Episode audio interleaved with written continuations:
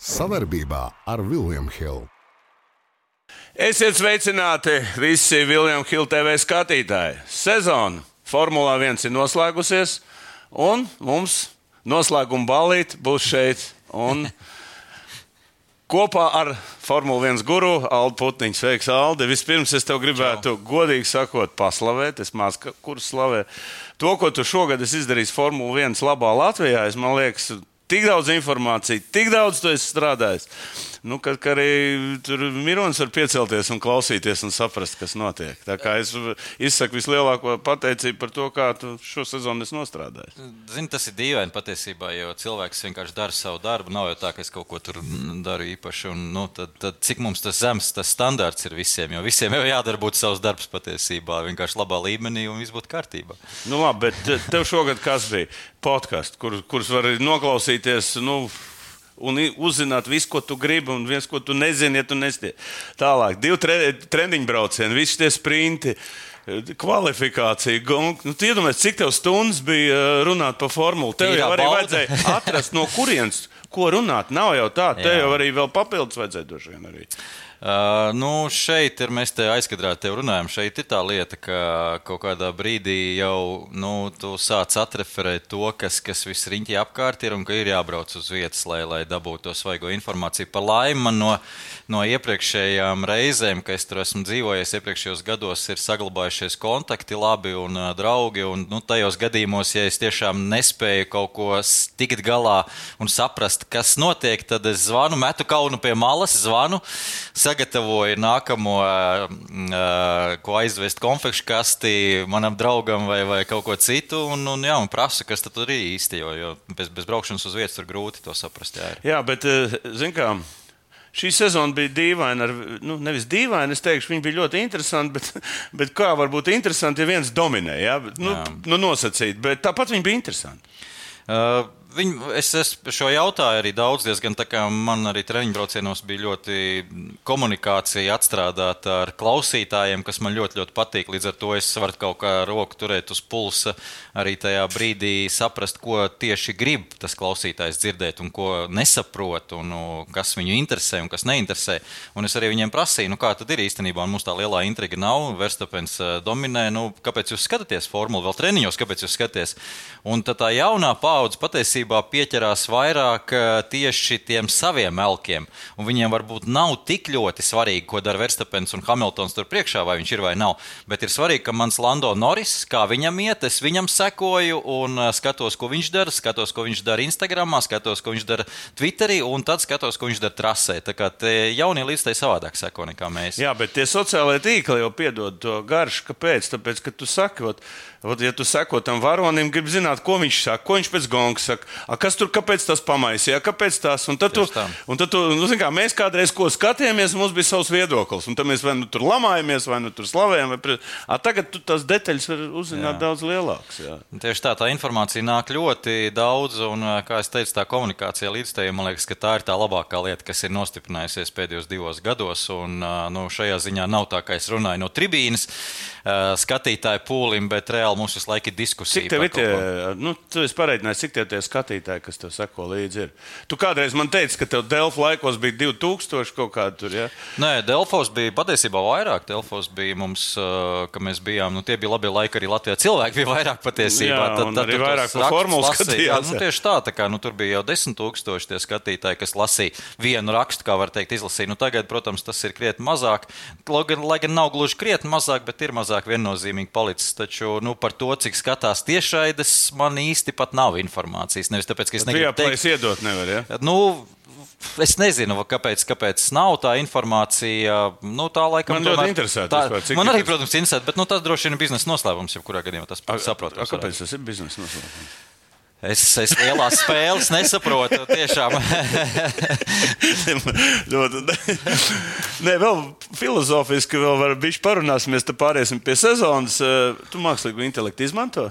Es redzu, ka tu izmanto ļoti cītīgi. Es esmu paeksperimentējis un paspēlējies, un es jau tev arī teicu, jā, ka ir lietas, ko pilnīgi noteikti var izmantot no viņiem. Tādus, tādas daudz automātiskas lietas, kā savākt informāciju, atlasīt pašu svarīgāko, izlobīt to, to graudiņu no tām pelavām un iedot tev. Nu, protams, man nepatīk joprojām tās kļūdas. Es jau teicu, tev daudz. Nu, tu esi latviešu valodas skolotājs. Bijis, es, es neesmu latviešu skolotājs, bet man gribās tomēr arī savu, savu vienmēr to, ko es rakstu, precīzi uzrakstīt. Nevienmēr sanāk, vienmēr pašam arī kāda kļūda ir, bet man tomēr patīk, ka viss ir pareizi. Un tas tā pie tā ir jāpiestrādā. Un otra lieta, tomēr, nu, pagaidām mākslīgam intelektam ir kaut kāda problēma, nu ne problēma, bet ierobežojums izteikties pietiekami plaši. Pat ne plaši, bet daļrunīgi. Ah, daļ, tas jau tas Jā, pats daļrunīgi. daļrunīgi. Bet pie, priekš mūsu jaunās paudzes, kuriem vajag ļoti īsi, konkrēti, precīzi un, un ātri galvenais un vienkārši vieglajā valodā. Jā. Tiks, vieglajā valodā, kā ziņas ir vieglajā valodā. Jā, nu, protams, tur mākslīgais intelekts strādā lieliski. Nu, ko pārējiem pie sezonas kopumā, visvairāk posmi vispār. Jā. Tu, nu viens mums nenotika, turklāt. Nu, jā, jā, tu noguri vispār. Pats, Nē. Ne? Nē, man, man teica arī līdz tam, ka daudz, varbūt sezonu pa garu, un ja es būtu kā parasts skatītājs, iespējams, es piekristu, bet man tik ļoti tas process patika, viss, ka, ka man bija ļoti labi. Es neteiktu, ka man vēl vajadzēja, ir ok, man tagad beidzās viss, es, es tagad atpūtīšos pa ziemu, paslēpošu, bet man bija ļoti labi. Labi, sāksim ar pašu galveno komandu. Red Bull. Hamiltons izteica, ka katrs gribētu startēt Red Bullā. A, kāpēc viņš neteica? Tad, kad viņš, spēl, kad viņš bija Mercedesā, ka katrs grib braukt ar Mercedes mašīnu, kas viņam ir tagad skaudība uznākusi? Eh, tas ir interesanti patiesībā ar to mm, Hamiltonu, jo viņš varbūt tā izsakās, bet tajā brīdī, kad reāli iespēja varbūt ir uzsākt kaut kāda veida sarunas uh, ar Kristiānu Horneru vai, vai vismaz Redbull. Nu, par to pastāst, lūdzu, par to baumiņu. Kas tur īsti bija? Jā, nu tad, tad tajā brīdī viņš nav pat gatavs sarunai ar Horneru faktiski. Pat, pat ja ir iniciatīva no Hornera puses, kaut vai nu, ne tāda aktīva, bet nu, vismaz izrāda. Bet ka... kam bija? Tur jau bija baigās. Tu, tur uh, ļoti, pat, ļoti pretrunīgi. Patiesībā Lūsis Hamiltons tēvs, Antonijs uh, Hamiltons. Uh, privātā sarunā, pa lielam, teiksim, tā, interesējās, kāda ir situācija Red Bull. Viņa ar Horneru runā pietiekami bieži, un uh, Hamiltonam, vecākiem Hamiltonam, senioram nav īsti teikšana par dēla karjeru vairs, un tas ir loģiski, tas ir normāli. Tur, tur viņi sapliecās savā starpā. Tagad vismaz ir tēvs un dēls, nevis, nevis, nevis uh, pilots un menedžers. Tieši tā, tas nestrādā vienlaicīgi. Abas lietas nestrādā, to jau droši vien zini vislabāk. Un, uh, līdz ar to Hamiltons, nu, tādā privātā sarunā, seniors Hamiltons parunāja ar Horneru. Horners to laikam uztvēra pietiekami nopietni un pat aizno mēģināja attiecīgi jau sarunāt tikšanos pēc sezonas ar Luisu Hamiltonu no savas puses. Nu, tad parunāsim apmēram, nu, ko tu īsti gribi. Jo Kristianam Horneram noņemt zelta puisēnu Toto Wolfam Tas būtu vienkārši izcils. À, tas ir tā galvenā ideja. Būt. Nu, tā bija viena no, jo iedomājieties, ja Redbullā brauktu Hamiltons ar Verstapenu, nu visa pasaule to skatītos. Jā, tieši tā. Un tas, ka tā būtu problēma komandas iekšēnē, nu, ka viņi savā starpā cīnītos, nu, tā ir, es jau visu laiku saku, ka tā ir patīkama problēma. Un Kristians Horners ir Netflix aktieris viscauri, un viņš saprot, ka viņam būtu tāda uzmanība pievērsta kā komandas vadītājiem, ka viņš tagad mēģina žonglēt ar tiem diviem pilotiem un tikt galā. Un, un viņš būtu zvaigzne, viņš būtu uzmanības uzmanības centrā. Turklāt, Tiešām, no, tur, A, kāpēc no, viņš šim tā nedarīja? Nu, neviens neiet, jo tur jau tā lieta, ar ko tas viss beidzās, ka Hamiltons pat neatbildēja šim uzaicinājumam. Viņš vispār ar Horneru nav runājis centos gadus jau. Tur ir ļoti dziļa sāpe viņam pret viņu. Kāpēc? O, nu, viņš to arī nesaka skaļi. Uh, Tas, tas, tas, kā viņš intervijā to pasniedz, bija pilnīgi skaidrs, ka jā, es redzēju to ziņu, un tā ziņa bija paldies, kāpēc tu man to sūti, un tad jau tiksimies kaut kad, nekad apmēram. Tā tā doma bija. Jo viņš pilnīgi nav gatavs uzsākt sarunu ar viņu, un skaidrs, ka tā sāpe ir liela. Droši vien 21. gads ir ielicis tur pamatīgi naglu sezonas noslēgumā. No, bet tas jau bija sacensību Jā, bet mēs nezinām, kas aizkulisēs tika teikts tā, tā procesa laikā. Nu, patiesībā pat ir skaidrs, ka tur bija gāja augstos viļņos, un, un, un, un Hamiltons to ir paņēmis diezgan, diezgan personīgi. Tad tava versija, kad Hamiltons Red Bullā nebūs? Nē, Hamiltons. Labi, ok, bet kas būs? Varētu būt Fernando Alonso. Nu, ja jau Verstapens pateicis, ka viņš ir pieņēmis braukt kopā Lemansā, klausies, kā tu vispār šo uztveri? Kā Alonso varētu būt? Tur? Nē, nu kā, nu Ferstapens esot piedāvājis Alonso braukt Lemansā kopā, jā. un viņš esot piekritis. Nē, tas, tas lieliski, Dream Team, super. Nē, jā, bet tad, kā izskatās Alonso varbūt iespējas braukt Red Bullā? Uh, nu, pats Alonso šobrīd. Uh, Negrib. Izskatās, ka ir gatavs tomēr strādāt uz Astonu Martinu. Tā, tās baumas arī parādījās arī vasaras otrajā pusē un bija tik ļoti Karstas. Nikans Alonso par to visu, par tām baumām, uh, bet izskatījās, ka tiešām no sirds Nikans un viņš nozākāja visus tos žurnālistus, kas turklāt nevis uz vietas, tie, kas ir žurnālisti, bet tie, kas sēž mājās un taisa kaut kādas mājaslapas, vienkārši at atgremo informāciju, to bija kaut kur pilnīgi izzīduši no zila gaisa. Uh, līdz ar to es pieļauju, ka tomēr Alonso šobrīd ar Laurensa naudu ir ļoti sasējies kopā un ļoti gatavs tajā projektā ieguldīties. Ir, jo skaidrs, ka arī no Aston Martin puses skatoties, nu, kas ir viņa lielākā vērtība šobrīd. Alonso. Nu, Alonso plus tā, tā viss jaunā, jaunā, jaunās iekārtas, jaunais, jaunā jaunais, komanda. Jā. Jaunā komanda tas, tas viss šobrīd ir tā milzīgā vērtība. Bez Alonso tas nestrādātu. Alonso iedod to mašīnu, un viņi uzreiz redz, kāds ir Alonso, kāda ir tā mašīnas, kāds ir tas mašīnas līmenis, teiksim, tā Alonso to spēja parādīt. Ja tā mašīna ir spējīga uz to ceturto vietu, nu, tad Alonso viņa aizvilks līdz trešajai vietai. Nu, un Strauss varbūt knapi tiks līdz septītai. Līdz ar to nu, viņi saprot, ka Alonso ir tā lielākā vērtība. Nu, labi, viņš aiz, nu, pafilozēsim, ja viņš aiziet, ko viņš vinnē un ko viņš zaudē.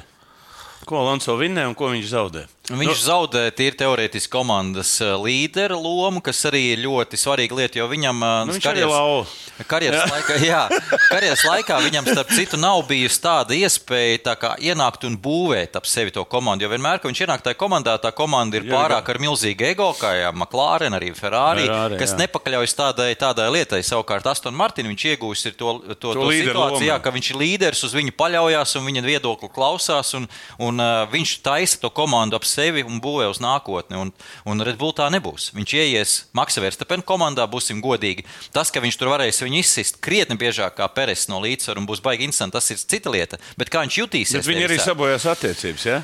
Nu, nu, es pieļauju, ka sabojās. Tomēr tas, tas ir neizbēgami. Ja? Es domāju, tas ir neizbēgami.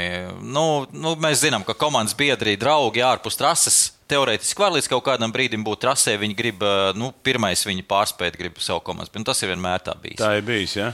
Labi, Peres nākotnē. Nu, es domāju, ka diezgan īsa tā nākotne varētu būt kopumā. Tad tu paredzi, ka viņš šo sezonu nebūs. Nākamā sezona. Nākam Nē, viņš, viņš būs nākamā sezona, viņš sāks nākamo sezonu, bet uh, tu redzi, ka Red Bull ir gatavi arī sezonas vidū nomest, ja problēmas ir. Un šobrīd Red Bull ir tāda izšķērdība uh, vai privilēģija, ka viņiem ir pieci labi piloti uz četrām vietām. Un, ja Pēters tur sāks muļāties, kā tas bija šīs sezonas vidusdaļā, diemžēl man ļoti mainīs. Ja? Es domāju, ka viņi mainīs. Nu, tur nav bet, ko zaudēt. Kur parādījās, ka Rikārdo varētu sākt sezonu Red Bullā?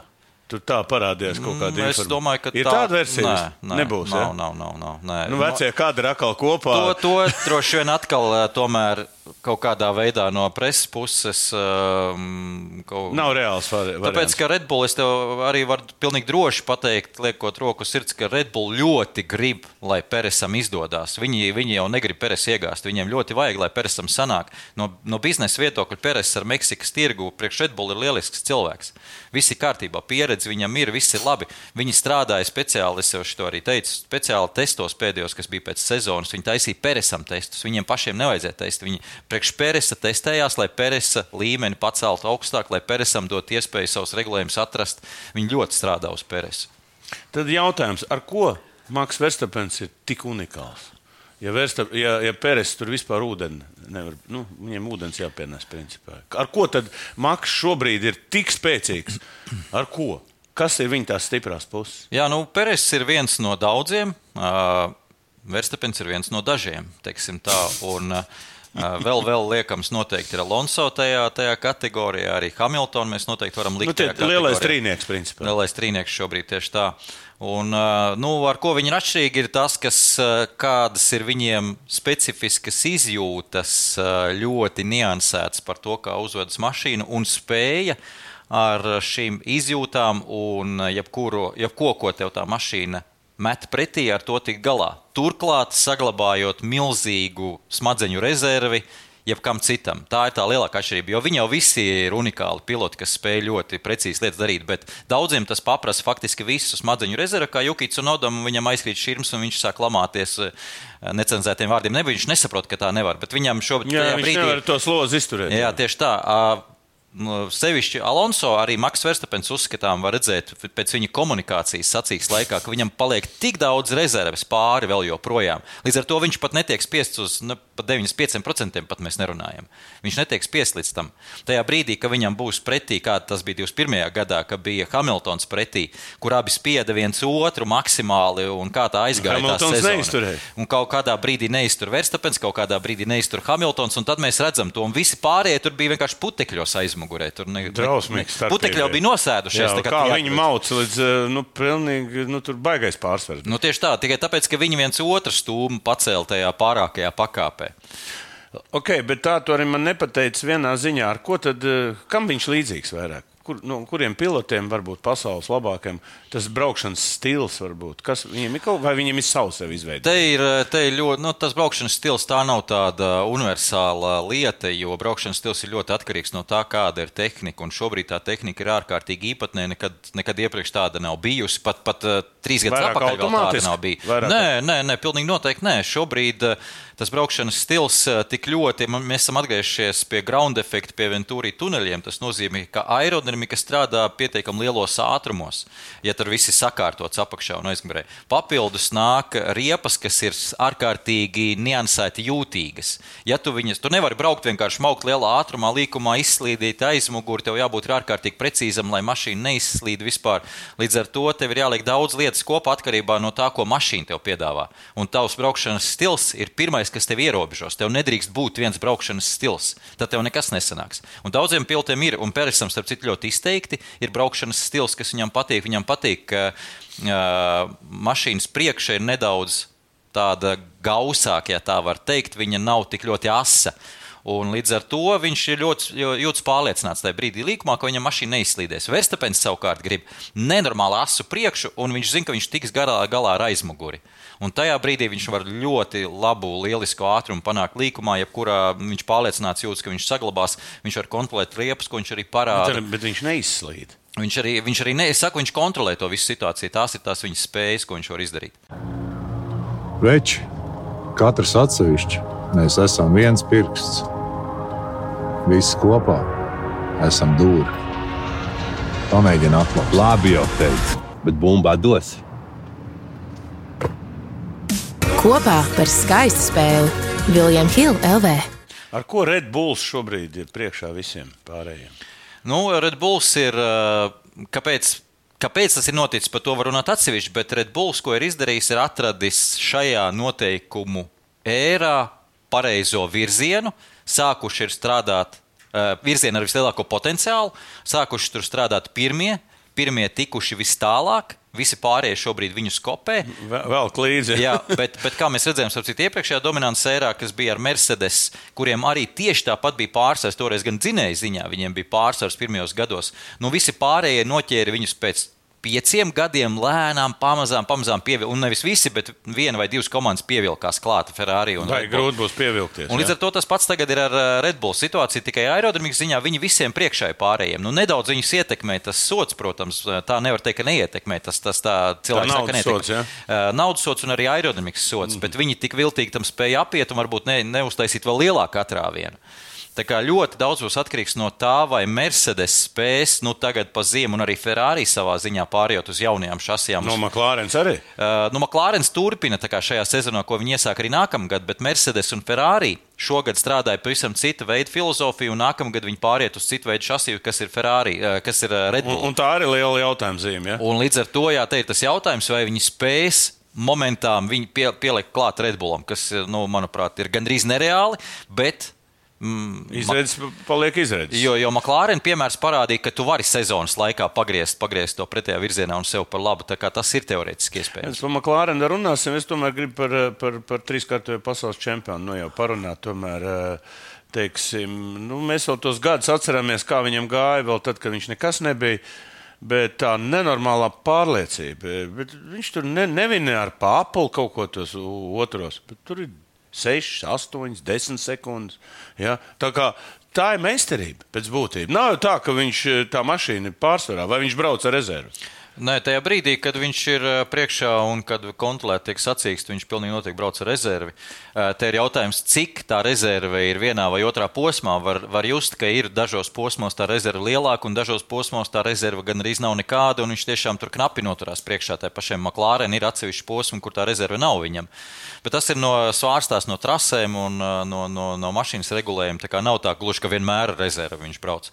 Bet viņš netaisa milzīgi izrāvienu, jo tas, tas, nu, tas tā tā ir axioma, ka uh, tev nav nepieciešams aizbēgt no visiem. Bet tā pāriem. ir baigā māksla. Tev ir jāuzvar. Kā citi ir maksimālisti. Tu, to, jo te jau kas ir tā, mašīna var iejaukties uh, Tieši tā. tā, un tad tu būsi tos resursus iztērējis un beigās, ka tev vajag. Jo bieži jau gadās, kad uh, kādreiz tā nebija. Nogāja mašīna malā, viss brauc. Un tur dzeltenos karaugs bija pa, paplivināja. Mēs mm. skatāmies vecās Jā. formulas. Tagad viss apstādina. Sarkanē, uzreiz restarti. Cik restarti vispār ietekmē e, sacīkšu laikā to, to sacīkstu? Nē, ļoti ietekmē, protams, jo šobrīd arī komandas uh, apzinās, ka tā, tie dzeltenie un sarkanie un arī uh, drošības mašīnas došanās rasē krietni biežāk un viņas pat būvē savu stratēģiju. Pat tā, ja? Balstoties uz to, ka bija jautājums, es atceros, viens no skatītājiem tieši prasīja, kāpēc Lando Norris tur, tur četras sapnis vēlāk brauca boxos par Verstapenu Brazīlijā, kad viņi viens ar otru tur, tur e, ņēmās un it kā vecām riepām. Nu, priekš kam? Priekš kam? Nu, viņš varēja uzreiz iebraukt un būt tuvāk viņam. Bet patiesībā tā bija apzināta stratēģija ar domu, ka viņš var uzvarēt sacīks tādā veidā. Ja gadījumā, ja gadījumā tajā četru apļu nogriezienī, kad viņš ir vadībā. Izbrauc, notiek kaut kas, jā. jā, notiek kaut kas, izbrauc drošības mašīnu. Viņam, viņš varētu vinēt. Viņam boxa apmeklējums ir divreiz īsāks kā Verstapenam. Viņš uzreiz momentā ir priekšā. Viņš apzinās, ka uh, tīrā cīņā nu, īsti uzvarēt nav iespēja, lai gan viņš ir tuvu. Bet viņam ir iespēja tajos četros apļos dabūt nu, pēkšņi loterijas biļeti ar miljonu. Tā, tā, ir tā iespēja. Jā, bet... Redz, kas ir vēl viena interesanta. Verstapens bieži arī ne tikai pirmais bija, bet viņš arī brauc kaut kad no vidus, no sestās vietas, un viņš nekad nevarēja. Viņš vienmēr atrada to posmu. Nu, tu, tu saproti, kāda tur mītīšanās notiek sākumā. Kas tas ir? Tas arī tāds nu, tā ir. Tā ir, tā ir tā vēl viena lieta, kas viņu, kad, ko tu pats teici, ja ir tie pārākie džeki. Nu, viņš jūt pilnīgi, kur tie mēsli būs, un viņš tur. Faktiski, jā, tā, tā lieta ir prātīga nogaidīt un nelikt, ne, nestrep karstu, teiksim tā tajā sākumā tu apzinājies, ka tev pirmkārt ir laba mašīna, ka tu varēsi tikt garām, un tev nav pirmajā aplī, pirmajā līkumā viss jāapdzen. Tas, tas nav tas, eh, jo Mihālam Šumacheram, starp citu, vairāk kārt bija tādas problēmas, ka viņš gribēja uzreiz to līniju uzreiz, un atcerēties tā avārija 97. gadā, kurā Hills saskrējās arī. Nu, un, tur jau eh, viss, vispār, godīgi sakot, tur viss varēja beigties jā, karjerā. Un, pēc un, būtības. Un, un Hillam bija tieši tas pats, starp citu, arī tur, teiksim, ir jānovērtē tas, tas pretinieka situācija šobrīd un tava, teiksim, tavas stiprās puses, un jānogaida, kurā brīdī tev ir tas, tas, tas pār, viņam nav tas lielākais. tāds, viņam nav tāds, nu, tāds prosta Alonso pragmatisms arī iekšā. Jā, bet tas nāk nāk laiku, tu atceries, kā bija sākumā, tu pats teici, nu viņš, viņš avarēja regulāri, un tas, tas nebija viņam sākumā, un to viņš ir uzaudzējis šajā laikā, un to viņam... Pārliecība? Pārliecība, pieredze, protams, nāk klāt, nu iedomājies, ka tu esi uber talantīgs, un tad tev nāk vēl pieredze klāt. Nu, tu vienkārši kaut kādā brīdī kļūst nepārspējams. Un patiesībā viņu uzaudzināja tieši Hamiltons, jo Hamiltons tos gadus visus bija priekšā. Uh, Verstapens ar Red Bull aizmugurē cīnījās un dažni dažādiem veidiem mēģināja tikt garām un reāli visu laiku kačāja muskuļus. Visu laiku, visa, visa veida stratēģijas, visa tehniskā uh, pieredze, vispārējo, un uz, uzkačāja tik ļoti šobrīd tos muskuļus, ka neviens viņam klāt vairs netiek. Jā, baigi interesanti. Tomēr nu, ne, ne no kā ir radies supertalants. Ja? Nu, nu 19 posms viņš vinēja. Ja? 20. Ah, 20 posms. Nu, es, es jau zinu, kā nu, tas ir. Es domāju, tas būs nepārspējams rekords. Kā tev liekas? Nu, tas vēsturisks panākums. Nē, nu te jau vēl jārēķina klāt, ir pēc jārēķina klāt tā uz, ah, nu uzvaras sērija mums pārtrūka. Nē, nē, ne par to, bet ja tu ieraugi to, zini, kā tagad nāk ārā tie, tie, tie, ne, tie posti, tā 19. Jo divus, divus peres un vienu, vienu, vienu sains. Jā, jā. sains es, es saku, nu, piemēram, nāk, tas, po, nāk ārā tas. Tas tur, skaties, tas, tas, tas, nu, tas tā nevar būt. Nu, arī, visos Šumahera, Fetela laikos nu, bija kaut kādi. Nu, kaut, bet viņam vispār, viņš bez kļūdām. Principā viņam bija kāda kļūda. nu, tas, nu, kā var nobraukt? Iedomājieties, kāds tev nervu potenciāls ir iedarbināts, ja tu vispār Jā. nekļūdies. Nu, tu nevari vienkārši kādu koncentrācijas līmeni viņam. Nu, es saku, tā, tā kombinācija šobrīd, Red Bull kombinācija ar Verstapeni ir ļoti izdevusies. Ja mēs paņemam, ka Red Bull ir jau kripatiņu potenciālā pārāki par visiem pārējiem, tad pieliekot klāt Verstapena spējas, eh, nu, tā, tā kombinācija ir vienkārši nāvējoša visiem pārējiem. Bet kas ir interesanti, tad, ko teica arī Red Bull tehniskais vadītājs Piers Vašē, nav starp citu Adrians Ņūjas tehniskais vadītājs. Jā, viņš, kas viņš ir? Uh, viņš ir uh, Tehni, viņš ir konsultants. Jā. Nu, jā, nu, tur, tur amats ir iedots. Protams, Bet viņš tā kā un... to mašīnu kombinē, vai tomēr? Nu, mūsdienās tā vairs nav, ka viens cilvēks to dara. Bet uh, viņš šogad pievērsās, tātad viņš konkrētā lietā pievērsās, viņš pievērsās uh, balstiekārtas uh, lietām tieši tehniskajā ziņā, un patiesībā nu, tas lielais noslēpums arī slēpjas tajā balstiekārtā, jo, jo visi pārējie daudz, ma daudz, ma daudz maz ir tikuši galā ar to aerodinamiku, un tas piespiedais spēks ir, bet tā mašīna tieši no balstiekārtas un no dinamikas viedokļa neņem pretī vairs to aerodinamiku, jo mašīna jau iedomājas, nu bremzējot, viņa uzreiz purngals lejā ir, pātrinoties pakaļ lejā ir, līkumā vispār staigā šitā tā mašīna uz visos virzienos, bet, uh, lai šī aerodinamika strādātu, tev jābūt visu laiku plakanam, grīdai. Visu laiku tai gaisa plūsmai zem grīdas ir jābūt, un ja tev tik līdz viens stūris ir lejā, nu tev tur kaut kas neiet vairs tik labi. Tur samazinās tā gaisa plūsma, un līdz ar to, lai to kompensētu, visu tās svara pārneses un visu pārējo, visos četros stūros, kur ir riteņi, tur ir balstiekārtas elementi, un lai tie elementi strādātu neatkarīgi viens no otra, ideāli, lai kompensētu visu svaru, tas tā ir tāda zinātne, un uh, to to ir izdarījis Adrians Ņūjs, lai o, visu laiku būtu. Tā kā unikāls līmenī. cilvēks. Nu, ko lēnām pārējām pie otras stiprākās komandas Mercedes, kas, godīgi sakot, bija pārsteigums tādā ziņā, ka tā cīņa tur bija nenormāla līdz pēdējiem metriem. Ja? Nu, pēdējiem metriem. Jā. Principā tā nekad nav bijis. Neatceros, ka tur es skatījos to, un tur mainās Mercedes ik pa divu apaļu braucu, viss tas mainās. Jā. Tādā ziņā sacīks bija vienkārši, nu, vispār, nu, sacīks bija ļoti interesants. Tādā ziņā. Tie. Jā, nu, Otro. tieši tā mums arī parādīja ļoti veiksmīgi, jo, nu, F1 kā kā jau mēdīja arī, kas īpašnieki kompānija saprot, ka ir tas produkts jāiepako, un citādo gadījumā mums kāda starpība, kurš tur otrā vietā būtu, ja būtu normāls čempionāts.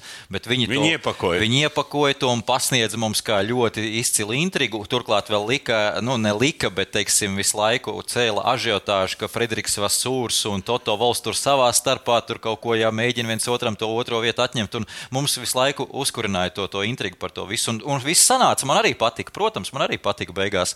Tā cīņa, jo tiešām, kā tu teici, līdz pēdējiem aplim tur viss notika. Leclerc tur iz, mēģināja izdomāt visu nedažādākos. Tas arī bija interesanti. Tas tā kā Hamiltons savā gadā Rosbergam neļāva vinēt. Tieši ne? tā, tieši man tāpat doma bija uzreiz prātā. Tieši tas pats. Bet tas ir vispār uh, viņu to, tā ir tā, tā, tā ir tā laba uzvedība. Viņi nevar sodīt par to. Kā tur ir? Formula? Kamēr tu pārkāp, nepārkāp noteikumus, A, kas ir, tu vari ko, to ko darīt. nozīmē nepārkāp vai pārkāp? Nu, principā bīstama braukšana. Tur tiesneši ir. Jā. Eh, ja būs sadursme, jā, būs. Bet teorētiski, eh, ko varēja izdarīt, izdarīt eh, Leclerc, Abu Dabī ir pēdējais sektors ļoti, ļoti lēns, šaurs tāds.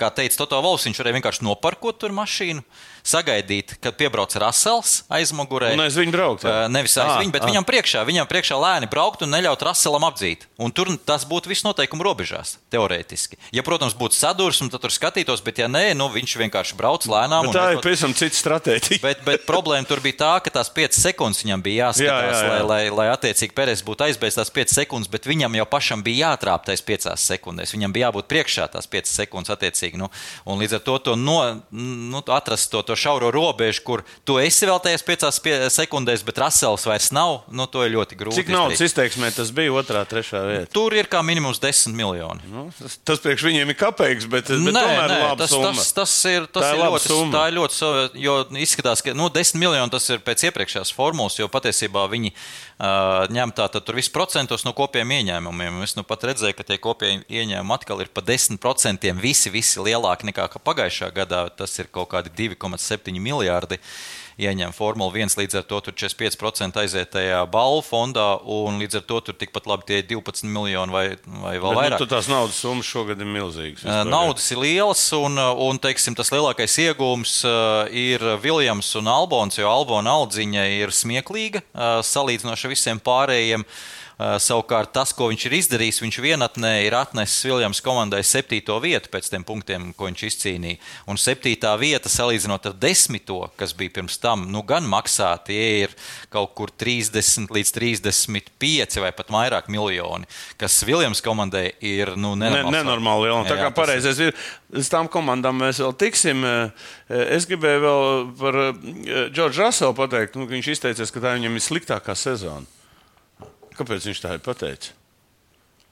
Nu, Kā Viņš laikam jūt. Es, eh, es nu patieši arī runāju par, par Raselu, un man, man īsti nav daudz labas lietas, ko pateikt par viņu, godīgi sakot. Jo man, man būtu, ja, ja es satiktu Toto Wolfu, man būtu viņam jautājums, vai tu šobrīd uz Raselu neskaties nedaudz savādāk, kā tu skaties pirms diviem gadiem, kad tu paņēmi viņu no Viljams, kad izskatījās, ka viņš ir nākamais Lūsis Hamiltons un ka mēs viņu ņemam kā nākamo Hamiltonu, jo Hamiltons tūlīt varētu iet pensijā, mums nākamais komandas līderis. Vai tu joprojām uz Džordžu Raselu skaties kā uz nākamo komandas līderi, kas tev vilks nākamos, nezinu, 5, 8, 10 gadus?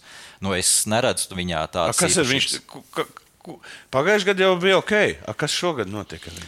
Uh, tur tā lieta, ka Mercedes nav nostabilizējušies, protams, tehniskajā ziņā. Viņi līdz ar to nedaudz mētājas, un uh, viņi nevar nodrošināt uh, Russellam, teiksim, arī stabilu tehnisko attīstību. Bet, uh, nu, redzi, ka Hamiltons punktu savāca. Vairāk. Nu, Pagājušajā gadā bija otrādi. Kā Nē, es, nu labi, ok. Tu, ko tu paredzi, kāda viņa nākotne? Viņa līgums ir vēl? Nē, līgums, jā, nē, līgums, protams, ne par to es Nu, jā, bet es te ne- jautājums ir, jā, bet, nu, es domāju, divi angļi brauc vienā komandā. Varbūt, varbūt tur viņiem, viņiem starp citu, nav slikti arī attiecības. Nē, nē, attiecības. Tas arī, man liekas, ir ļoti svarīgs faktors. Nav viņa labākie draugi viennozīmīgi. Bet, Man- nu, kur ir, tur, tur nav neviens labākais draugs. Nē, tu- Bet nu, vismaz ko- konflikti nav savā starpā. Nu, redz, cik viņi reizes sacīkstēs ir sa saskrējušies. Tā kā es teiktu, ka tur tas, tas konflikts, eh, ja viņš ir iekšēji, tad viņš tiek notušēts. Un, un, un, un to viņi abi, abi saprot, ka viņi nevar iet konfliktā privāti, teiksim, vai tā. Bet, bet tas, ka trasē viņi viens otram eh, jau negriež ceļu un jau, jau ir avārijas bijušas, Es redzēju, jā, jā. redzam, jā, nu, okay, labi, bet eh, man ir galvenais jautājums. Tu man izstāst, lūdzu. Kāda motivācija Hamiltonam ir? Es neredzu personīgi. Nu, vēl tas astotais čempions, nu, viņš, nav, viņš nav reāls. Vairāk. Es domāju, viņš ir sirds. Viņš cer uz to, viņš cer uz to. Tas ir Tā- vienīgā motivācija viņam. Kāda vēl ir motivācija? Nē, nav citas motivācijas. Hamiltons, es Viņš domāju, grib ka būt unikālais astotais. Ja? Tad varbūt- drīzāk Verstapens būs astoņkārtējais Nē, es, es nedomāju, ka viņam tā vajag to unikalitāti tik ļoti, jo es drīzāk es pieņemu, ka viņš ir tik ļoti emocionālā ziņā tāds cilvēks, ka, kā viņš pats teica, viņš bija ļoti tuvu, lai aizietu no, no sporta pēc 21. gada sezonas, bija ka viņš vispār. jutās nepamatoti apbižots. Un viņam tas ļoti iekšā sēž, eh, ka ir, jātai, eh, ka ir eh, nu, jābūt taisnībai, jāpanāk taisnīgums. Un tad, kad viņš izcīnīs to astoto čempionu, Tad viņš aizies. Sevī viņš to uzskatīs, ka taisnīgums ir panākts. Un tad, jā, tad viņš arī mierīgi varēs aiziet. Eh, Tas, tas viņu vairāk motivē, pilnīgi noteikti. Un tu noteikti sportā esi daudz dažādos sporta veidos. Es iekšā, tu zini, ka ir tāda cilvēka sportistu kategorija, augstākā līmeņa sportistu kategorija, kuriem faktiski ir vai nu uzvara, vai pārējais neinteresē. Un viņš, viņš arī operē visaugstākajā līmenī, tajā brīdī, kad viņš jūt to uzvaras smaržu. Tiklīdz viņam tur, nezinu, vairs ne, ne, ne, ne, nespēlē par uzvaru, vai, vai nav tik tuvu tai uzvarai, nu, viņš arī nespēja vairs operēt tā augstākajā līmenī. Un Hamiltonam ir tieši tas pats, pasties sezonas beigās. Nu, viņš bija kā, kā, kā izdirst jāņoga. Nu, tur, tur vispār nebija. Nu, tas nekas- saka, kāda motivācija viņam braukt? Nu, tur tā lieta, ka viņam šogad beigās nebija motivācija. Viņš cer, ka tā Mercedes sataisīs to mašīnu. Nu, un ja viņam būtu- nesatais nākošais gads. Nu, būs slikti. Tad būs slikti. Mēs redzēsim, baigo drāmu. Tad mēs Nu, redzēsim, to- ah, puņš, es, viņu nevaru, es viņu nevaru sagaidīt. Es, nē, nu, viņš ir godīgi sakot, jau tā, nu, godīgi viņam ir liktenis viņam ir bijis ļoti pateicīgs. Es jau nesen nostājos to pēdējo gongu Brazīlijā, kā viņš kļuva par pirmo pasaules čempionu, ja, kur, kur, kur viņam nevajadzēja kļūt. Ja, un tad viņš jā. pirms tam ar Alonso sačakarējās, tur varēja arī pazaudēt. Tā kā un, a, tur vienkārši bija tik liels pārsvars, ka viņš viņu nu, nevarēja. Principā viņš visa, vi- visus uh, titulus gandrīz ir lielākoties zaudējis tad, kad ir uh, punkts punktā iet. Tu esi ievērojis to. Viņš nav vairāk tas pilots, kas ir. Jā, ja viņam ir pārsvars, viņš maudz, bet tu ievēro, kur Verstapenu viņš zaudēja. Nu, labi, tur arī komandas rī- rīcība Rosbergu. bija. Ar Rosbergu viņš zaudēja. Tālāk viņš toreiz, eh, kā viņš zaudēja. Jā, nu, viņš ļoti daudz ir zaudējis tādus, kur, kur ir. Tāpēc Nu, to, var, to var dažādi pagriezt, eh, jo, teiksim, viņam, ja nemaldos, ir četri, četras otrās vietas, tā kā četri Nu, es saku, tituli. kā viņš eh, kaut kas viņam arī Un, pietrūkst. un tad. septiņi, septiņi tituli, četras otras. Nu, tas, tas to var teikt, ka nu, līmenis ir uh, Uber līmenis. Nē, Visam. Uber līmenis par to neviens nestāsta. Ir viens tas, kāpēc viņš tur brauc. Viņš, ko viņš vēl pie, pie, saprot, man, nu, man tas baigi nepatīk. Nē, es tev saku, drīzāk tas ir tas, jo viņš kā bērnībā, tomēr arī palasot, palasot teiksim, viņa agrīnās jaunības un bērnības ā, dienas, kā, kā viņam ir gājis, tad ā, nu, tur bija diezgan bēdīgi, diezgan smagi viņam bijis kā melnādainajam puikam kartingā tajā Ceļš laikā. Amerikā, tad Ā, Anglijā. Anglijā jā, tur, tur nu, viņam negāja labi, un naudas arī nebija. Līdz ar to viņš vienmēr ir kā, bijis kā pastarīts tajā visā un sities pret straumi. Un, tagad viņš, un, un, un tad arī labāko rezultātu ir, ir panācis, ka, Sasniedz, jā. ka ritīgi tas sa, sa, sakoš zobus un arī esi ja, tajā augstākajā līmenī. Un šeit viņš ir sajūtis, man liekas, to pašu situāciju, ka viņš ir ā, sajūties, ka viņu nepamatoti nolikuši malā 21. gadā, ir viņam tā sāpe ir tik milzīga iekšā, ka viņš grib priekš sevis to sakārtot, jo viņš nevarēs mierīgas vecumdienas. Viņš ne, vienkārši viņu kremtīs visu atlikušo mūžu, tas ā, 21. gada tituls. Nu, tas ir, aiziet, Tas ir liktenis. Tas ir liktenis. Nu, Skaista spēle sākas ar pārliecību par saviem spēkiem. To var iegūt, smagi trenējoties. Bet noturēt to var tikai ticēt. Vecīt, es tev piekrītu, bet pabeigties malā. Kopā par skaistu spēli Viljams Hilde LV. labi, iesim tālāk. Toto Valfs. Kā tu viņu vērtē, viņa uzvedību, mūžīgais karalis, kurš bija, un, un es tagad skatos uz viņa seju. Nu, rāda speciāli. Formulā baigi labi viņi ir izlikuši. Kā kaut kas notiek, parāda, un, un uz sejas viss ir rakstīts. Pēc būtības. Jā. Kā viņš visu to visu pārnes? Uh, es zinu, ka tev tas nepatīk. Nē, nu man nepatīk viena iemesla, viņš ir liels, nu tādā ziņā. Nu, Saki, var- saki. Nē, nu, nu saprot, Horners tagad ir bijis pamainījies. Manuprāt, viņš ar viņu baigi līdzīgi jābija. Ja? Un beigās, ka viņi abi nobildējās, vai tā bija, vai tā bija tikai mākslīgā intelekta? Nē, nē, nē, nē nobildējās. Jā, Bet, nu, bet Nobildējās. tas bija tāds kā arī teātrītis priekš Nu, visiem. jā, bet pārējiem, īstenībā jā. man liekas, viņi neieredz viens otru. Nu, ja? diezgan tuvu tam, jā. jā, bet nu, kā tu redzi, uh, kā, kā, viņi, kā Mercedesā veidosies lietas? Kā Mercedesā par to tā grūti man spriest, jo, jo Toto valsts principā nav tā gluži. Viņš izteicies, ka viņš grib bezgalīgi to darīt. Viņš arī gatavs paiet malā kaut kādā brīdī, un viņš gatavo sev, sev maiņu. Jā. to, to džeku, ko tu tur redzēji, Džeroms Dambrozio, kas viņam stāv visu sezonu blakus, tas principā ir nākamais. Tas nākamais vadītājs. Jā, jā tā kā nu uz to, to iet. Bet uh, Toto Wolfs uh, man kā personība, es zinu, kāpēc komandas bosam ir tādam jābūt. Es saprotu, ka viņam tādam ir jābūt, un to es arī pieņemu. Bet uh, es zinu arī daudz lietas, kas pirms tam ir bijušas laikā, kad bija vēl Brown GP un Mercedes paši pirmie gadi, un kāda viņam bija attiecības ar Rosu Braunu, vai pareizāk sakot, nebija, un ko viņš darīja vai nedarīja. Un tur nevisai smukas lietas arī tika izdarītas, un līdz ar to. Karjerists, ja? Nu, bet, nu, laikam jau tādam ir jābūt. Nu, tajā, tā, tas ir rīkļu, rīkļu grauzēji klubiņš, nu, pa lielam, nu, pirāņu klubiņš, kā viņš sauc. Nu, skaidrs, ka tev tur pa sevi ir jāsitās un, un, un jā, jāpārgrauž otram rīklu. Tad jautājums tāds, vai, kā viņš pārdzīvo, ka McLarens viņam iet garām ar Mercedes motoriem? Jā, tas, tas ir, es domāju, ka sitiens, sitiens pa, pa zem zemjostas vietas, teiksim, pilnīgi noteikti.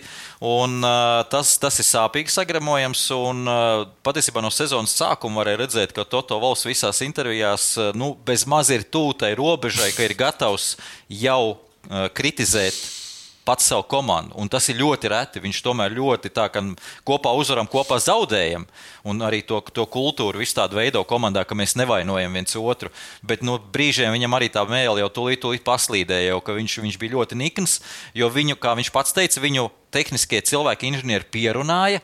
Ka šī mašīna, ko viņi brauc pagājušajā gadā, kas bija vanskars, pilnīgs, kad nē, ir tur potenciāls ir baigais, mums ir jāturpina viņa attīstīt, jāturpina spiest no viņas. Un sezonas sākumā viņi redzēja, nu, ka nekas tur nesanāks. Un viņi ir gadu zaudējuši. Viņi gadu būtu strādājuši. Kāpēc to viņš dusmīgs bija? Nu, jā, viņš ir ļoti dusmīgs. Un McLarens apsties aizgāja. Nu, Maklārens to saprata, uh, saprata pagājušā gada pašā beigās, tātad 12 mēnešus atpakaļ to saprata. Un, un redz, ko viņi izdarīja. Un Toto Lovs redz un saprot, ka mēs arī to pašu, kā minimums, to pašu varējām izdarīt. Kā minimums. Aldi, tad, kad mēs pašā beigās paskatīsimies rezultātu, tad tu viņus biji ielicis pēdējās vietās. kā- Tu, tu arī tad saprati. Vai tev paveicās? Nē, nē, nē. Uh, me, ko es ieliku? Mertes vai Nē, Maklārens? nu, Maklārens tu paņēmi. Nu, viņi bija pēdējās vietās. Viņi tagad pēc testa braucieniem vispār Jā, jā. bija pēdējā Nē, nē, nē, es neko nesapratu. Es, es, es, tev, es tev varu pilnīgi atklāti pateikt, ka es neticēju, ka to var izdarīt tik ātri.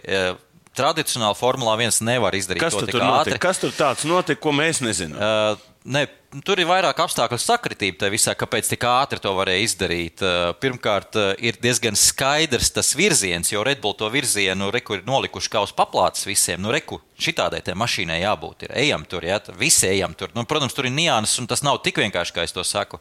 Bet otra lieta ir tā, kas paliek mums fonā un ko visi saka, ai, tur noteikumi nestrādā. Nu, nē, veči, noteikumi strādā.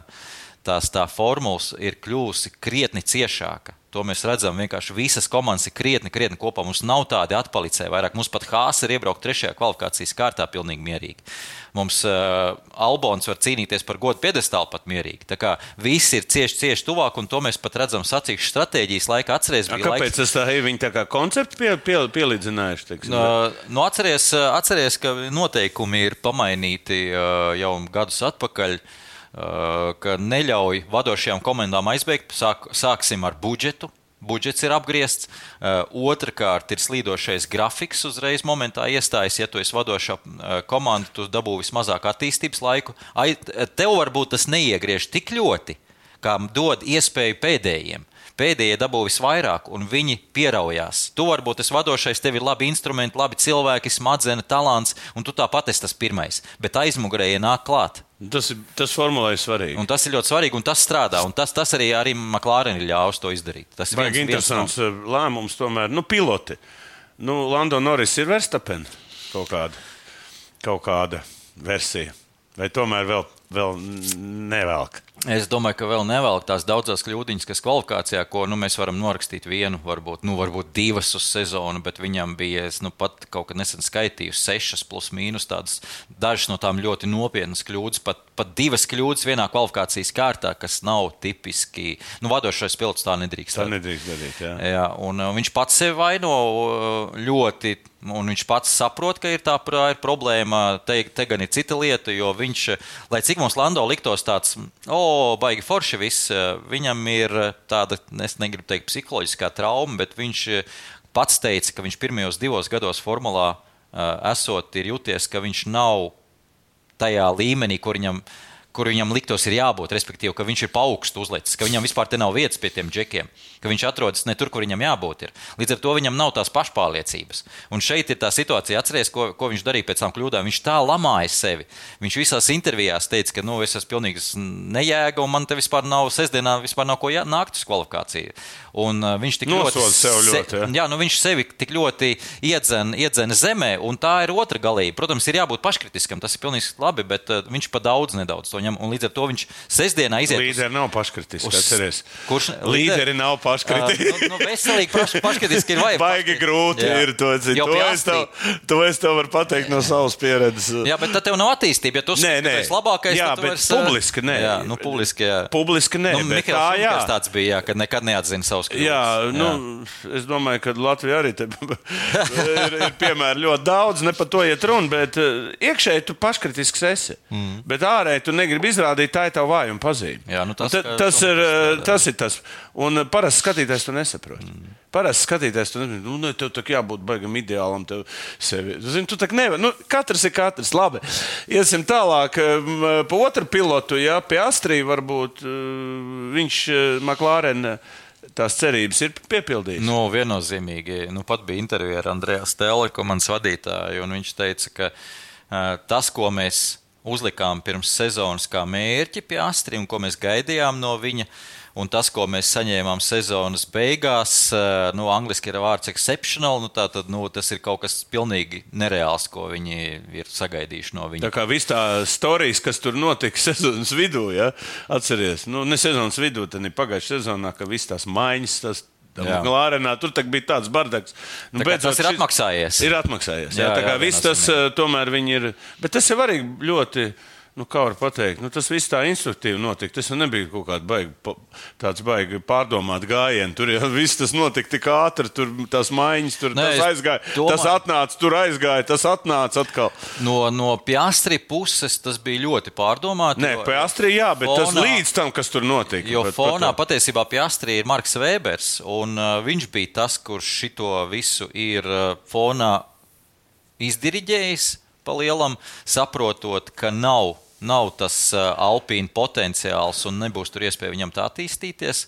Un tas bija ļoti drosmīgs solis, jo nu, tā komanda viņu ir attīstījusi un arī kā uzticējusies viņam. Viņš vienkārši ņem un aiziet uz McLaren. Atcerieties, toreiz jau Alpīna un McLaren, nu, McLaren bija bijis zemāk. Izskatījās, ka Alpīna pat ir augstāk pagājušajā Jā, jā, gadā. un te viss pilnīgi- Un te ir, jā, mēs redzam, Ok, es domāju, mums ar Latviju ļoti daudz McLaren fanu ir, bet pāriesim pie vislielāko fanu komandu Ferrari. Ja? Nu, eh, mēs smējamies tāpat par viņiem, vai tomēr viņiem kaut kāds progress ir? Nē, noticis? ir progress. Ir progress. Nomainīja eh, Binoto un viss aizgāja. Ja? Nu, viss droši vien. Labā virzienā. Nu, labā virzienā, pareizā virzienā. Progress pareizā virzienā. Mēs tāpat varam šur tur uh, utis atrast un droši vien, ka vienmēr atradīsim, jo itāļiem, uh, itāļu komanda ir ļoti uh, emocionāla un, un tā ir laba lieta. Tā ir laba lieta. tā ir- Bet, bet tai pašā laikā arī tas tev kaut kādā brīdī iegriež. Jo viņiem tas spiediens, kas ir no visas nācijas un arī pašiem uz sevi, jo viņi kā Ferrari darbinieks, jebkurš no viņiem uzskata, ka nu, viņš ir tiešām ārkārtīgi privileģēts. Un, un, un, un tas, tas viņiem kaut kas ļoti īpašs. Līdz ar to, to viņi spiedienu uzliek gan paši sev, gan visi kaimiņi. Viņiem uzliek gan, gan radi, gan, gan visa nācija uzliek to spiedienu, un ar to nav viegli tikt galā. Bet tajā pašā laikā viņi, protams, ir gatavi strādāt visas naktis, visas brīvdienas bez Nu, Tas ir atalgojuma. skaidrs, nu, viņiem ir tāda un- jā, atbildība. jā. Par pilotiem runājot, ir saskaņot abi piloti. Viena Leclerc, es saprotu, ir pārslēdzis uz lielu atkal ā, kaut kādu Nu, kosmisku līgumu. bet jā, varētu būt Kosmisku jā. līgumu sains vēl nav. Ir saskaņot, nu, ir it kā pārunāts, bet nav parakstīts. Kāpēc Itāļi nav neviena? Nu, Tāpēc, ka nav itāļu. Nav vispār, nav neviens ā, augsta līmeņa itāļu braucējs. Viens, eh, ne, nu, mums eh, augstāka līmenī nav. Eh, Viens izskatās, ir ļoti, ļoti talantīgs eh, itālis, kas nākamgad startēs eh, Formulā 2, Andrejā Kimija Antonelli, bet viņu jau ir Mercedes Paņēmis, skaidrs. paņēmuši jau, jau pēc kārtas. Bet tas baigs dīvaini. Viņi tāda, nu, it kā baigā itāļu komanda, bet itāļu nav nekad. Ja? Braucēji Bet reti. viņiem kad- arī vēsturiski nav bijis. Nav baigi bijis. Tur itāļi. spāns, francūzs. eh, Jā. Jā, tas tomēr arī nu, kaimiņi. Nu, labi, Jā, kaimiņi. Jā, tādā. Nu, pa, vēl par Ferrari divos vārdos, varbūt, kā tu cerības redz uz viņiem. Varbūt testi vēl nav bijuši, bet viņi būs konkurenti. Uh, Es droši vien, ka sezonas sākumā, šīs sezonas sākumā būtu teicis, ka drīzāk Nu, noteikti uz būs. Mercedes, ja ka būs kaut kas, bet tagad es teiktu, ka jūtams ir tas pareizais virziens ar Frederiku Vasūru. Un, uh, Ka varbūt nemaz nav tik slikti arī mums uzlikt kaut kādas cerības uz, uz Ferrari. Ferrari, jo tas Japānas updates, kas bija Japānas posmā, kas bija pēdējais updates, tik ļoti labi un precīzi nostrādāja un faktiski ielika pamatu uz nākamo gadu. Un Leclerc ar viņu tik ļoti sadraudzējās uzreiz un varēja braukt. Pastāstīt pēdējos posmos, kopš Japānas viņam bija trīs pole position. Viņam bija uh, Lasvegas, viņam bija Ostina un Meksika. Trīs pole position. Visā pārējā sezonā kopā viņam tika. Bet kas viņam pietrūks, lai, lai vinnētu sacīkst? Nu, tas tā, tā bija diezgan iedzimta problēma Ferrari. Arī Stratēģija? Tā, nē, nē tā, te, es teiktu tieši bet te, ka stratēģijas ziņā nu jau viņi sāk izskatīties solīdi, vis- vai vismaz nav kļūdas vairs, teiksim tā. Bet uh, bija gan problēmas ar riepām sezonas pirmajā pusē, otrā pusē tas nedaudz jau nomierinājās, bet uh, es atceros to, ka ar Japānu vai faktiski vēl pirms uh, viņi jau sāk strādāt uz nākamā gada modeli. Viņiem tik ļoti nebija svarīgi šogad tur, tur vai paņemt to otro vietu, vai konstruktora kausā, vai tikt pie tās vienas uzvaras. Nu, būs, būs, nebūs, nebūs, bet jāstrādā uz nākamo gadu. Ir. Veči, katrs atsevišķi, mēs esam viens pirksts. Visi kopā esam dūri. Pamēģini atklāt. Labi jau teicu, bet bumbā dos. Kopā par skaistu spēli Viljams Hilde LV. Ok, nu pārējām pie, pie zaļām krāsām. Alonso 4. vieta. Pēd, arī pēdējā aplī. Dabūja 4. vietu. Nu, tas ir kaut kas amazing. Es teikšu, tā, tādā viedoklī, nu, kā viņš paņirgājās visās tajās uh, sacīkstēs, tur papēres. Es atceros, nu, un pēres pēc tam atnāk un viņa bučo. Vispār, kas te notiek? Uh, tev izņirgājās, un tu pēc tam aizēji un, kā saka, viņu. Viņš tā kā dievs tur ir.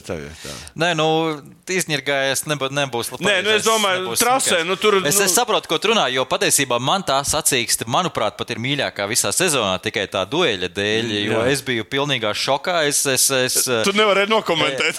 Jā, godvārds, tas, tas pēdējais aplis, es, jo es necerēju, ka viņš atgriezīsies. Jo tās cīņa bija jau pat par sevi skaista, un tā kā Pēters bija ticis garām, es nekad necerēju, ka Alonso tiks apakaļ. Un tas, kā viņš to izdarīja, cik viltīgi viņš to izdarīja, kā viņš sakrāja to enerģiju uz tā, to pēdējo izrāvienu, nu, vienkārši. Unikāls. Meistarklase, meistarklase. Tas Jā, ir- bet tas jau var iedot tai formulē, to rozīnīt. Jo, jo tas arī kārtējo reizi, jo tajā brīdī, kad tu esi jau noguris, tajā brīdī, kad tu esi jau cīnījies visu to dueli un kad tu esi zaudējis, tev te, te ir vienkārši stress nenormālākais, ja tev, tev sirds skrien. Un tas, ka viņš spēja izdomāt, ka, ka viņš tagad nestresos, viņš to vienu apli ļaus viņam mierīgi it, it kā sajusties drošībā, tajā pašā laikā viņš visās vietās, kur tas ir iespējams, krās enerģiju, krās eh, uz, uzlādēs bateriju. Un tad izliks to visu, kas viņam ir to pēdējā aplī, pēdējā līkumā. Nu, vienkārši fantastika. Nu, izdomāt to un arī realizēt. Bet tas ir, tas ir cik maz laika vajag? Jā. Minūtes Nu, laikā nu, Jā, tieši tā. un Tas, tas, bet es domāju, ka viņš to bija izplānojis jau sen. Nu, iepriekš. labi, ja tev Viņš- apzina, un tad tev bija variants B. Nu, tomēr, zini, kā ja tev apzina, tur jau praktiski baigais pārsēs uzreiz aiziet. Tur nekad reti. Jā, jo viņš, viņš, Ap- saka, viņš rēķina scenārijus un variantus un stratēģijas nepārtraukti. Ne tikai savas, bet arī tas, ko darīs otrs. Un tas ir tas, ko es teicu, ka ir tas smadzeņu Nē, kā, kapacitāte. kāpēc es, es tev vienu jautājumu uzdot? Es to nesaprotu. Es skatījos to dueli, un viņš brauc pēc citām trajektorijām. Jā. Pilnīgi pa citām, kaut kādiem līkumiem. Jā. Zini, kā Pērēs brauc tā kā pa tuvāko, a viņš tur kaut kāds grieziens un nevar saprast, kas tas ir. Nu, tā ir tā. Viņš jauc. zina tos uh, trīs variantus uh, līkumu, kā izbraukt. Nē, es domāju, viņš 33 zina.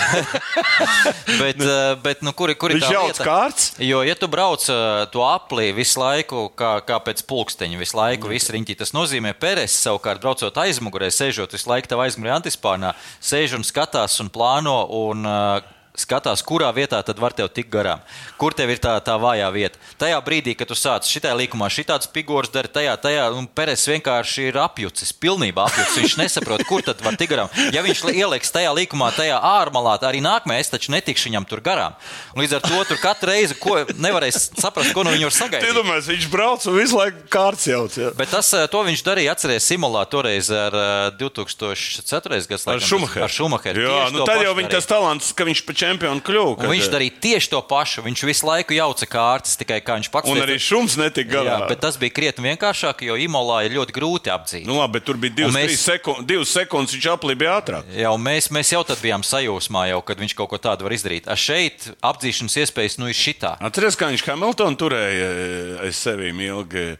Ungārijā Tur, tas Ungārijā arī. kur- Tā kā, nu, tur es, uzvarēja, es tik saku, nu, teiksim, nu, tie jaunie mācās no šitādiem. Te... Nu, es ceru, ka viņi mācās. Nu, Piastrī, tāpēc, tāpēc ir palielīt piastrī, jo tas, tas džeks tiešām izskatās, ka ir tā kā, tā kā švame, visu uzsūc, ko vajag, un mācās ļoti no Landona Norisa, un, un nav lecīgs, nav izdegunīgs, un ļoti pareizās īpašības. Tur Marks Vēbers viņu ir ļoti ielicis rāmītī.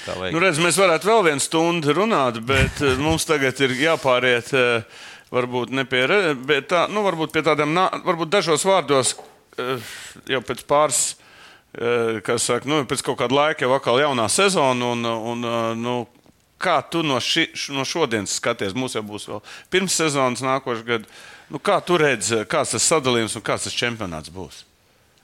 Nu, es negribu būt dikti pesimistisks, bet uh, tīri teorētiski. Saka, ir? Ja man jāsaka, kā ir, tad es domāju, ka mēs vēl. Ceturtkārtē, ceturt, piec, pasaules čempions. pieckārtējais. jo Pieckārtējais, jā. Vēl divi gadi līdz 26. gadam, kad būs jaunie noteikumi.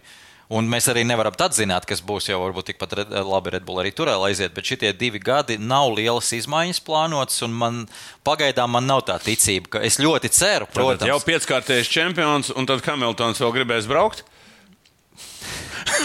Tā kāda jēga jau? Nu, ja nav Hamiltons, tad kas? Nu, nu tad te, ap to laiku mums būs piastri uzaudzēts tieši tāpat kā, kā Norris, jā, Jo, jo McLaren redz, ka ir turpat, turpat aiz. eh, Un viņam tieši tāpat situācija kā Red Bull bija pret Mercedes. Nu, Mercedes dominēja, tagad dominē Red Bull. Tie, kas ir aizmugurē, tie visu laiku mācīsies, tie kāps tur uz papēžiem. Eh, Piastri mācīsies, eh, gan McLaren mācīsies, kā, kā tur cīnīties ar Red Bull, cīnīties ar pašiem labākajiem, gan tehniski, gan strateģiski, visās līmeņos. Tā kā, nu, tā ir. Kurš būs nākošais, kas pārķers Verstapenu, ja Hamiltons nebūs nu, aiziet prom? Kurš ir nākošais, kas ar viņu var konkurēt? Nu, drīzāk kā nu, es redz? teiktu, teiktu. Eh, Es Tomēr, pieļauju, ka Leclerc, jā. Nu, viņam jau pārmet, ātrs viņš ir, bet viņam kaut kā pārmet arī kaut, nu, tās lietas, kad viņš kaut kā. Nu, tā arī nav pieredze. Nu, arī, bet viņš jau ilgi brauc. Jau, tagad, jau diezgan Nu, ilgi. Viņš jā, tomēr bet nu tad- Fetel tur izstūmā ārā. Un, Vienmēr jau jāņem kontekstā ar to, ko tev ļauj mašīna darīt. Un, ja tā mašīna tev īsti nav paklausīga un tu lauzies ar viņu katrā līkumā, nu, kaut kādā brīdī jau tu skaidrs, ka tas, tas vādzis lūst un, un skaidrs, ka tu izlido kaut kur. Nu, ja tev tā mašīna paklausīga, kā Verstapenam ir, tad tev nav, nav tik liels problēmas ar to. Mik, Mikam Šumacheram dos iespēju? Nē, nē, nē. Nav vairāk, jā? Kādā sakarā? Nekādā, jā. Tālāk. Nē, nu viņš, Kā- ir, viņš ir vecs čempionātā, teiksim, tagad nākamajā gadā, un viņš kā rezervis, protams, pie iespējas viņš var tikt, bet es domāju, ka nu jau viņš ir. kā Šogad viņš vēl cerēja, ja nu kādam kaut kas notiek, viņš ieliks un parādīs sevi. Tagad, pēc vēl viena gada, nu, tas ir ļoti maz iespējams. Rasela vietā varbūt? Nē. Ielikt. Nekādīgi. Ja nu kaut Nē. kas notiek. Jā, tā. Nē, nu, Mercedesam ir jaunie talanti. Tas pats Antonelijs, ko viņš šobrīd nenormāli cer, ko viņi ir. Ārons, ap citu, Igaunis vairs nav viņa akadēmijā. Izskatās, ka uz jauno sezonu ir izmests no akadēmijas. Nu, nevar teikt izmests, bet nu, ceļi tur šķīrušies. Vestī, kurš eh, gandrīz bija F2 čempionu tituls, palika otrajā vietā. Tā kā Viņiem tur jaunie nāk kaut kādā iekšā Mercedesam. Un Mercedesam ir diezgan labi atstrādāts, starp citu, junioru akadēmiju šobrīd. Un viena no labākajām, varētu teikt, aiz Alpīna. Alpīna joprojām, eh, var teikt, labākā ir. Lielāko pārsteigumu, ko tu gaidi nākošais gads? Nu, es kā pārsteigumu lielāko gaidu, ka tiešām no kāds nobīdīs to Maksu Verstapenu no, no tā troņa. Es gan negaidu. Tu, tu negaidi. Es, es, es saku, ka tā nebūs, bet es Ne, ceru. lai nogaida tikai ne Hamiltons. lai nogāž. Nē, manuprāt, lielākais, izcilākais moments būtu, ja mums būtu 21. gada revanšs. Nē, es ne, ne, nekādā, man, nav man versija. Un, ne. un vēl visi pārējie maisītos pa vidu. Visi McLaren, Alonso Es maisītos. gribētu, pa lai. Alonso Hamiltons sitās. Tas ir mans, tas ir mans saldais ēdiens. Lai viņi tur savā starpā sitās. Tur, tur, Jā, nu- tā ir klasiķa. Lai viņi tur pa- Jā, bet viņiem tā sāpe nav, eh, nav tik, tik nopietna. Viņi vienu un- gadu tik pabrauka- Jā, Hamiltons, tas, nu, viņam tik, tā, šī sāpe ar Verstapenu viņam ir krietni tā brūce, ir vēl vaļēji. Tur, tur tas, tas viņam krietni sāpīgāk ir. Nu, okay, nu tad pārējiem pie saldā ēdiena. Tātad eh, mūsu rezultāti. Sezonas, es zinu, ka McLārens tev palīdzēja. Tur. Kopā par skaistu spēli Viljams Hilde LV. Nu, Ai, viens, viens. Nu, patīkam, kad, eh, teiksim, pilotziņā es esmu. Uzvarējis 1, 2, 3, 7, pēc 1, 2, 18. Nu, dabiski tu man nomazgāji. eh, no- Komandas ziņā. Komandas ziņā tu man nomazgāji kaut gan. Kaut gan Maklārens man ir. Jā, Maklārens tev izvilka. Jā, jā, bet Viljams, Alfa Romeo. Jā, bet, nu, žēl, ka mēs neparunājam par tām vājākām komandām, bet to pirms sezonas, tāpēc, ka, nu, nu baigie pārsteigumi jau tur nebija. Nu, nenāca ārā, tomēr dominēja tās eh, piecas komandas pēc būtības. Nu, nu, četras, piecas komandas, kas vienmēr nu, tā kā tādā ziņā, bet viņi vēl kās klāt. Jā, jā, viennozīmīgi vēl kāds klāts regulāri. Nu, mums tā, jau sezonas pašā sākumā visas komandas bija punktus dabūjušas. Kad pēdējo reizi tas ir bijis? Mums parasti bija uz nulītēm, tur viens vai divi vispār ilgu laiku, bet jau sezonas sākumā visi tikuši bija pie punktiem, visas komandas. Nu, pasties, mazākais punktu skaits Hāsam ir 12. Tas ir ļoti daudz punktu patiesībā. Daudz, ja? Jā, Tā viennozīmīgi. kā nav, tā kā ir tie punktu sistēma izdomāta. Nu, žēl, es vēl gribēju parunāties par jauno formātu, kā tur domātais, tā sprintā vēl ko, bet to mēs atliksim uz nākošo sezonas Nu, jā, ka sākumu. būs konkrēti, jo izstāstīt Jā, tagad tur ir kaut kādas runas, iet, man, man patīk, bet uh, to jau, nu, kas saka, tas jau ir baumu līmenī, nu, Jā. tā tanka līmenī. Lai viņi apstiprina. Jā, lai viņi apstiprina, un tad uh, pa, pa, uh, izrunāsim, Kā tas varētu iespaidot to, mm. to, to, to, to sprintu un visu to pārējo? Jā, es ļoti ceru, ka tomēr viņi būs pietiekami drosmīgi un paņems, neklausīsies komandas. Es, es šo es visu laiku teicu, ka Wolf neklausās. ka nedrīkst klausīties komandas čempionāta organizators. Labi, lai viņas tur runā, bet nedrīkst ņemt vērā to, to. Jo katram tur būs savs viedoklis, katrs to deķīt vilks uz savu pusi, un tā mēs nekad nenonāksim pie kaut kā. Tur, tur vienkārši ir jānoliek noteikumi priekšā. Tādi ir noteikumi, tiekat ar to galā. Viss. Nu, vēl mēs eh, pirms sezonas izrunāsim, kāda bija sezona finansiālā ziņā. Arī tagad viņi droši vien pievilks svītru un apstīsies. Nu, ienākumi milzīgi.